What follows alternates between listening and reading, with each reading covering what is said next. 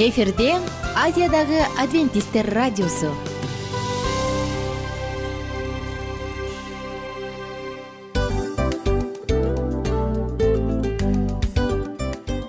Достор салют.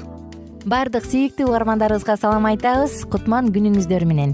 Ден соолук өмүрдүн булагы демекчи саламат саамы программасында баарыңыздарды көргөнүбүзгө абдан кубанычтабыз. Анда алгач амандашып өтөлү арбаңыздар деп. Ден соолугуңуздар кандай элибизде көбүнчө ден соолук кандай дегенде эле жакшы деп жооп беребиз э? ооруп турсак дагы жакшы дейбиз. Анан мен муну айтып ойлойт элем бул абдан сонун сөз депчи анткени бул жакшы деген үмүт да э ооба баары жакшы болот баары сонун. Деп үмүттөнүп атып эле өзүбүздү өзүбүз дарылап коебуз.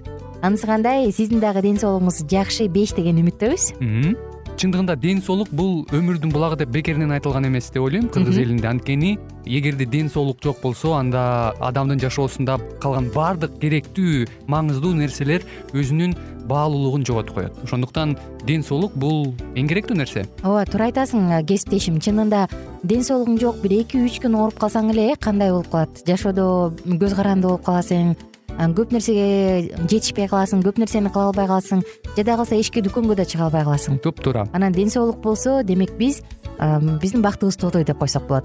Анда достор саламат саамы рубрикабызды баштайлы. Алдыда өзүңүзгө керектүү болгон сонун кеңештерди уга аласыздар. Мына ошондуктан биз менен бирге болуңуздар. Ал эми биз болсо милан жана айнура.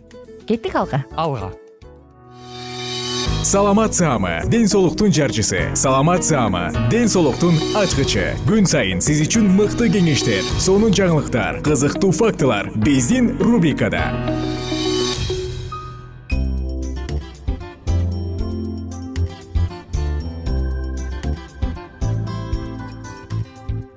Салют достор. Жалпы биздин сүйүктүү угармандарыбызга ысык салам. Жана сиздер менен биз кайрадан амандашып ден соолук жана сулуулукка арналган эң сонун цикл эң сонун рубрика саламат саама рубрикасын баштадык. Бүгүнкү темабыз гипертония деп аталат. Албетте бул оору дагы коркунучтуу оорулардын бири. Ошондуктан өзүңүздүн саламаттыгыңызга кам көрсөңүз демек бизди жакшылап тыңдаңыз.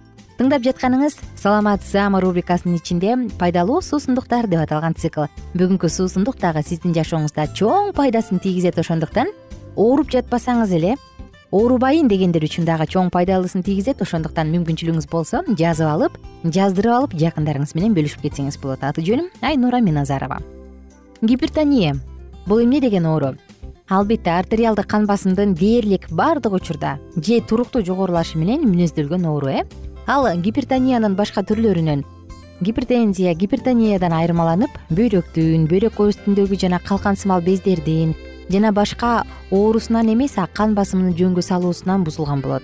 Жүрөк кан тамыр системасынын өтө көп таралган ооруларынын бири дал ушул. Анан албетте акыркы учурда тилекке каршы гипертония оорусунун өтө эле көбөйүп кеткендиги дагы байкалып келет.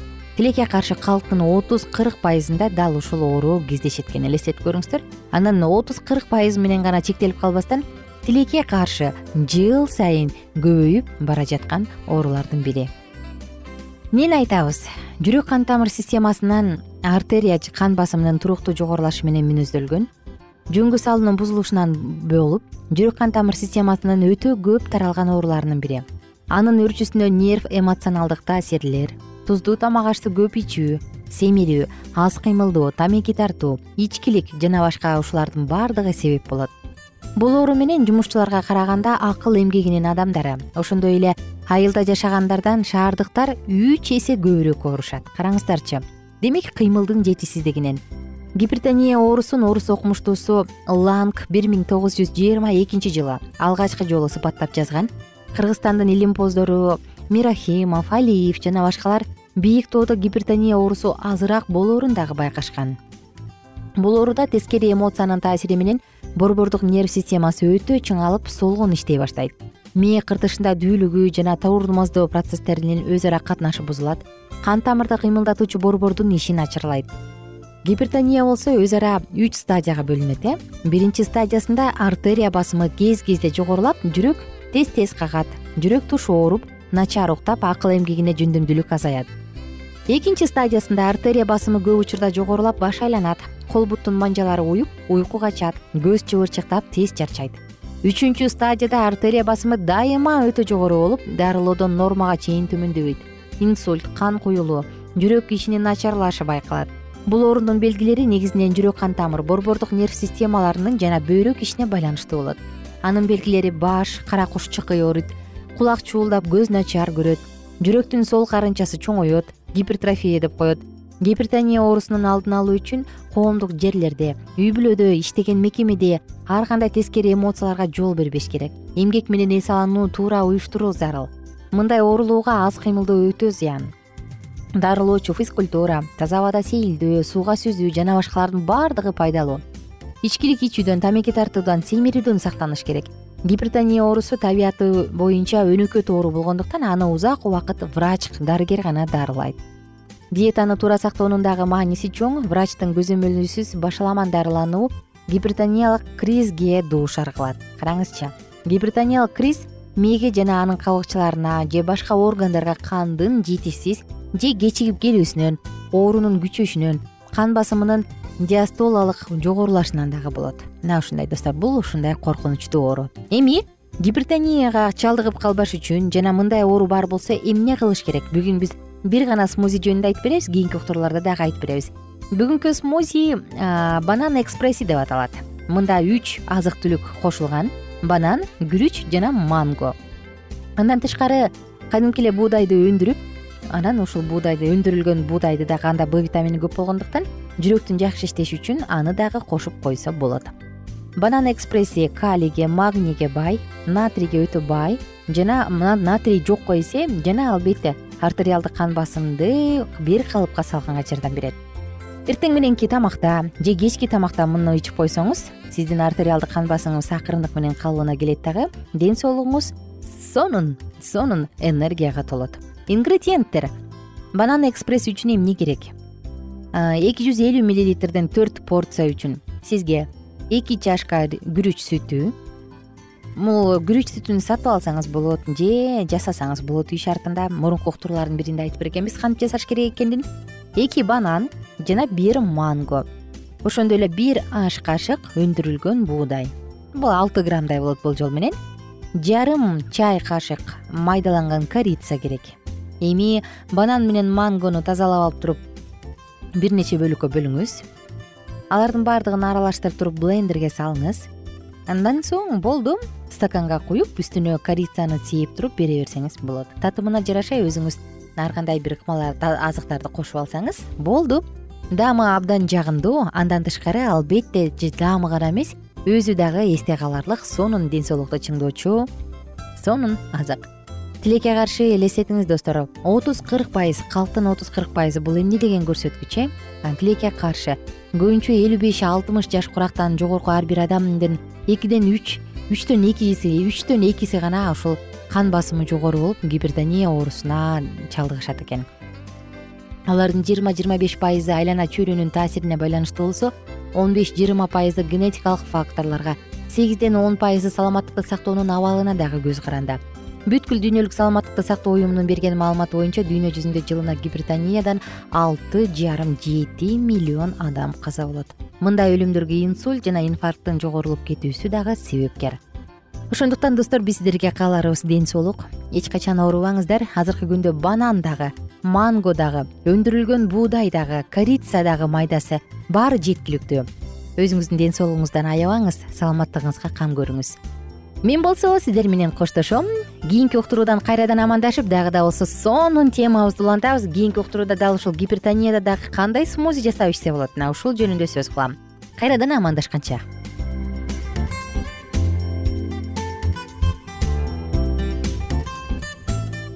Кененирээк маалыматтар үчүн үч w чекит саламат чекит клуб сайтына келип таанышыңыздар. Жана андан тышкары социалдык тармактарда youtube facebook жана instagram баракчаларына катталыңыз. Саламат саама ден соолуктун жарчысы. Саламат саама ден соолуктун ачкычы. Күн сайын сиз үчүн мыкты кеңештер сонун жаңылыктар кызыктуу фактылар биздин рубрикада.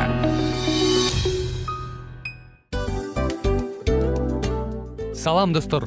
Кайрадан биздин сүйүктүү рубрикабызга кош келиңиздер деп айтмакчыбыз баардык замандаштарыбызга арбаңыздар деп саламыбызды айтабыз. Улуу ушундай бир э, урматтаган учурашуу менен анан дил маек радио баракчабызга чакырабыз. Негизи дил маек биздин рубрикабызда эмне жөнүндө кеп кылабыз бул дил маектин мааниси эмнеде рубрикабыз менен кичине тааныштырып кетсеңиз. Сөзсүз түрдө тааныштыра кетейин кесиптешим суранычы боюнча бул учурда бул радио баракчада биз ар тарап кесип ээлеринен сонун кеңештерди алабыз сүйлөшөбүз сырдашабыз аталарыбыздын эжелерибиздин апаларыбыздын кеңештерин угабыз. Айтор жан дүйнөгө адамдын э, сапатына адамдын деги эле адам болуп жашашына керектүү баардык кеңештер алдыда.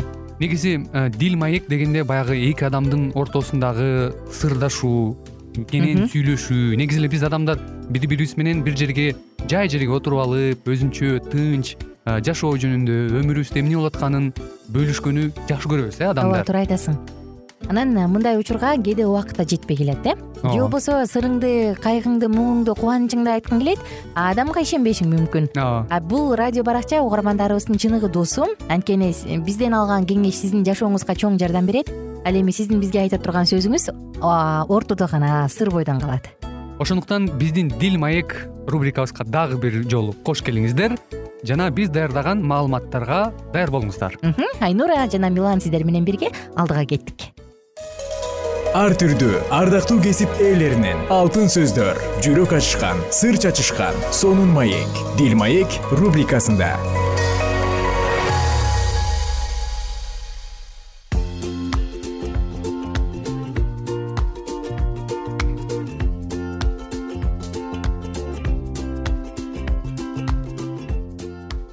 саламатсыздарбы? Биздин сүйүктүү досторубуз жалпыңыздар менен амандашып саламдашып кайрадан дил маек уктуруусун баштадык. Жана бүгүн дагы бактылуу үй бүлө деп аталган циклдын ичинде адамдын саламаттыгы жөнүндө сөз кылмакчыбыз. Баардык биздин кымбаттуу досторубузду жыштыкка жакын отуруп радионун үнүн өктөмүрөөк чыгарып өзүңүзгө ыңгайлуу отуруп алып туруп тыңшаганды сунуштамакчыбыз анткени бүгүнкү тема дагы маанилүү жана сонун темалардын бири негизи достор адамдын саламаттыгы дегенде бул биздин денебиз жан дүйнөбүз бар руханий дүйнөбүз бар.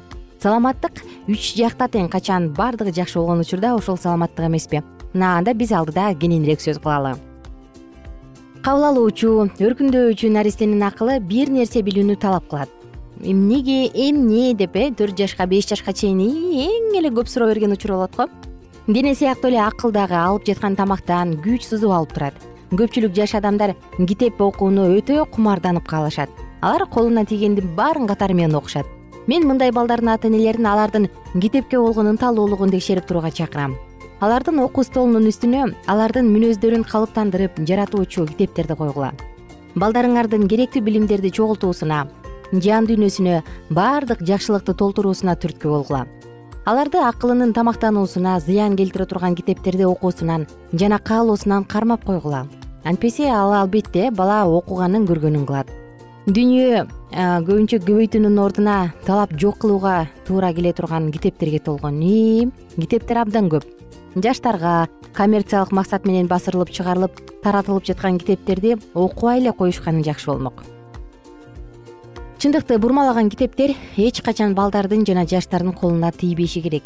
Балдар тарбиялоо багытында жалган түшүнүктөрдү чогултуп алыша тургандай болбосун анан албетте мезгил мезгили менен чыгуучу басма сөз материалдарынын абдан зор агымы менен кагылышууда. Карылар жана жаштар үстүртөдөн жана шашылуу менен мен окуп кетүү адеттерине ээ болушат. Жана акыл эс байланыштыруу жөндөмдүүлүгүн жана максатка багытталган ой жүгүртүүсүн жоготот. Андан тышкары дагы айта турган болсок э, мезгил мезгили менен чыккан чыгармалардын жана китептердин белгилүү бир бөлүктөрүндө таң болуп чыгарылгандар мазмунсуз тескери жолдон чыгаруучу. Гана эмес бирок жана дагы уятсыз кемсинткен материалдар бар. Журналдарды и азыр кээ бир киосктордун жанынан өтүп барат деп өзүң уяласың э? Мындай адабияттардын таасири акылды мас кылып жана талкалап гана койбостон бирок жана дагы моралдык жактан бузуп жанды ойрон кылат.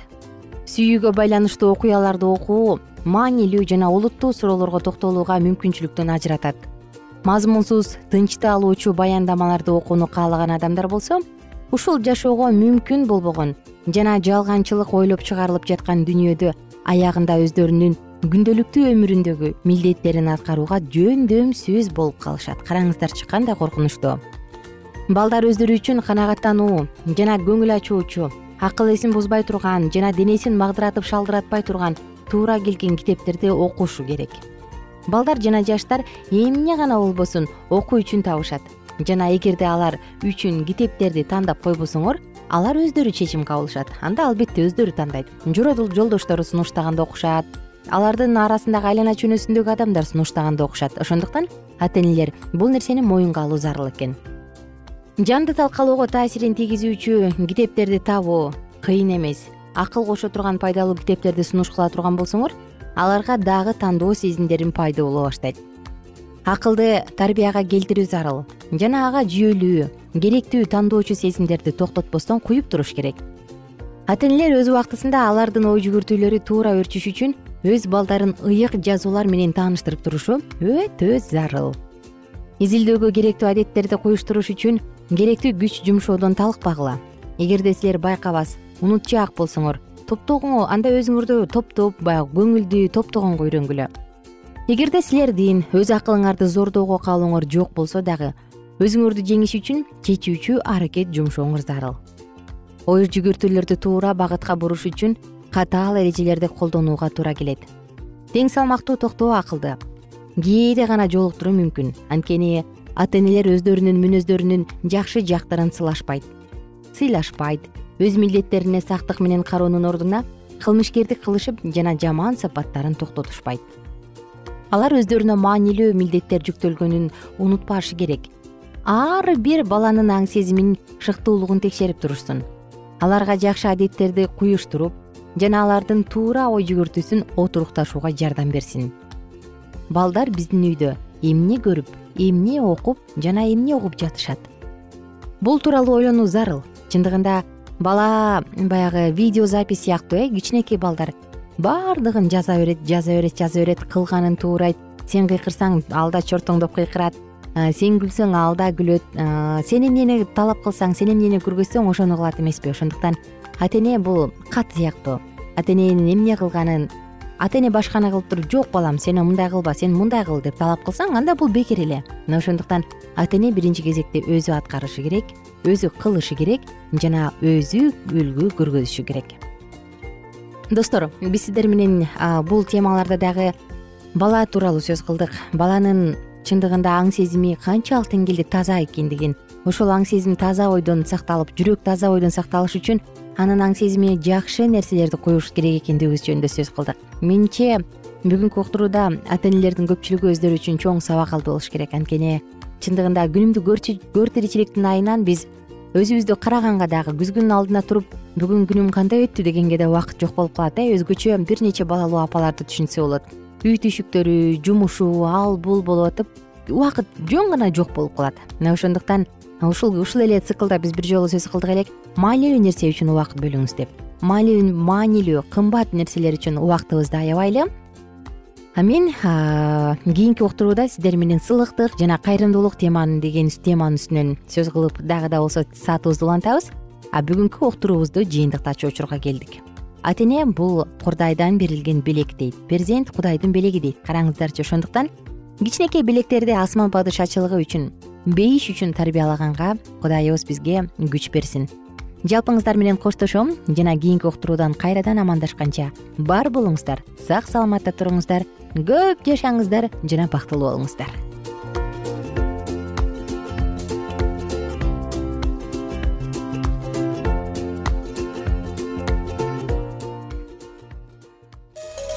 ар түрдүү ардактуу кесип ээлеринен. Алтын сөздөр жүрөк ачышкан сыр чачышкан сонун маек. Бил маек рубрикасында.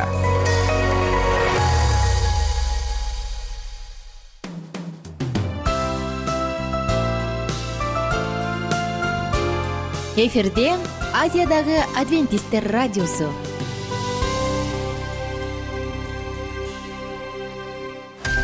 жан дүйнөңдү байыткан жүрөгүңдү азыктанткан жашооңо маңыз тартуулаган жан азык рубрикасы.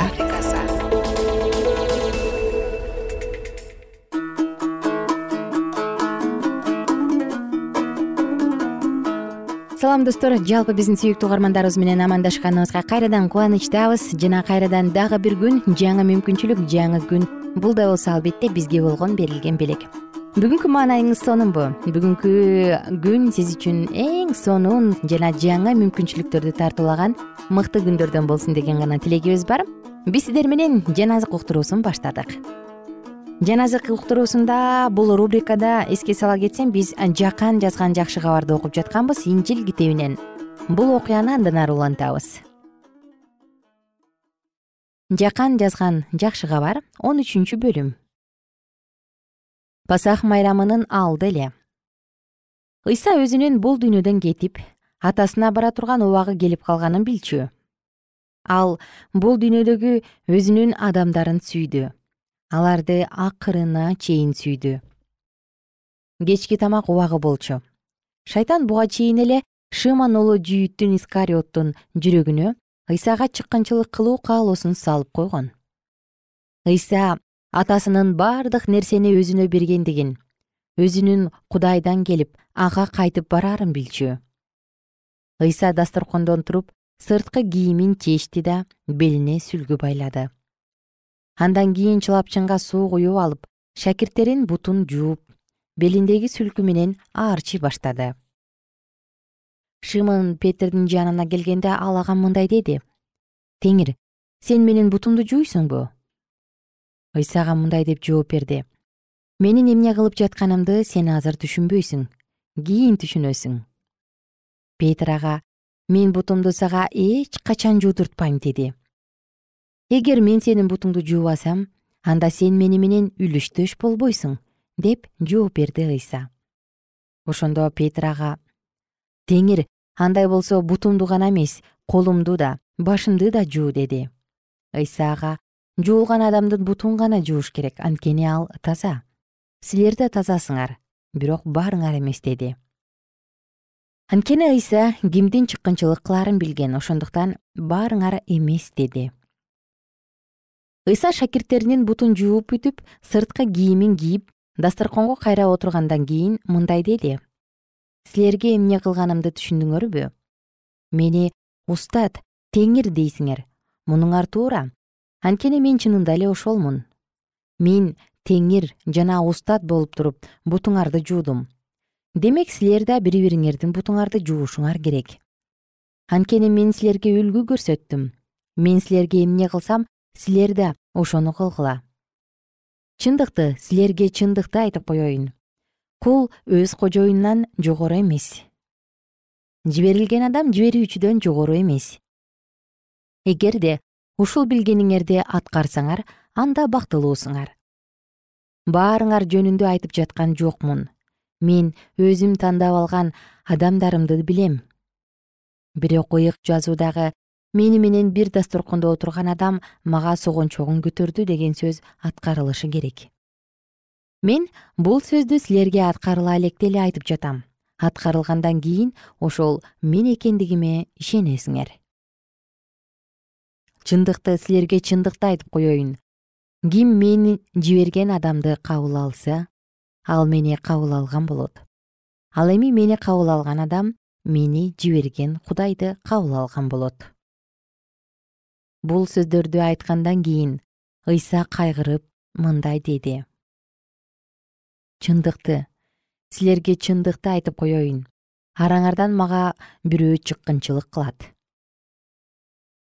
шакирттерди ыйсанын ким жөнүндө айтып жатканын түшүнүшпөй бири бирин карашты. Шакирттеринин бири ыйсанын төшүнө башын коюп отурган. Ыйса аны жакшы көрөр эле.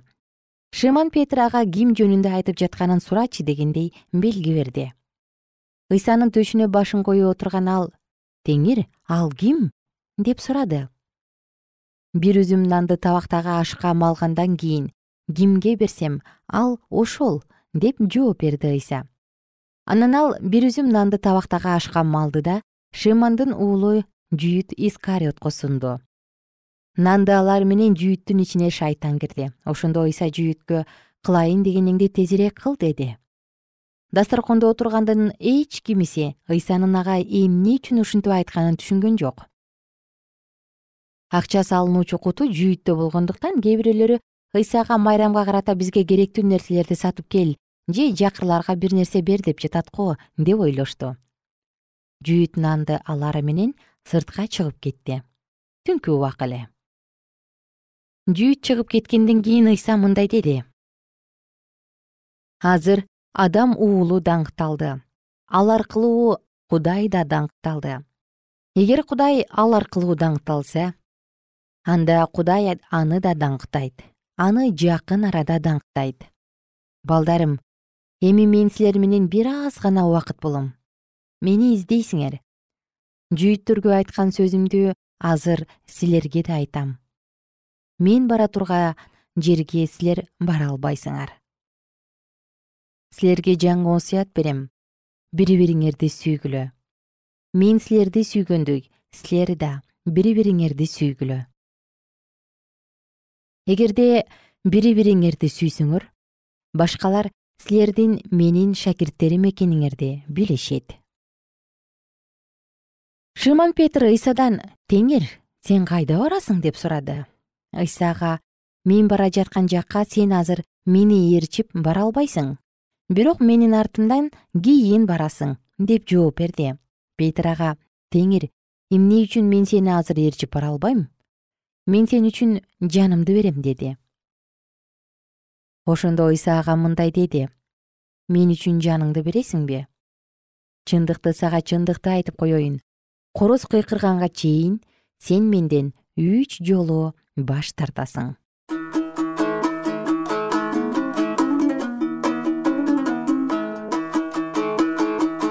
замандаштар бүгүн сиздер менен бирге жакан жазган жакшы кабардан он үчүнчү бөлүмдү окуп өттүк адамдын жашоосунда бир учурдар учурлар болуп калат. Ошол учурда жогорудагы жүйүт искариоттой болуп биз жердеги байлыкты адамдан даңк издейбизби уурулук кылып жердеги байлыкка байланабызбы же жок деп баардыгын таштап туруп бейиш үчүн өмүр сүрөбүзбү. Бул албетте ар бирибиздин тандообуз.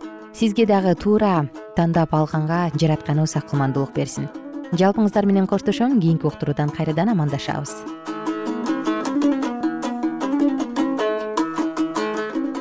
эгер сиздерде суроолор болсо же көбүрөөк маалымат билем десеңиз анда биздин whatsapp номерибизге жазыңыз. Плюс бир үч жүз бир жети жүз алтымыш алтымыш жетимиш. Кайрадан плюс бир үч жүз бир жети жүз алтымыш алтымыш жетимиш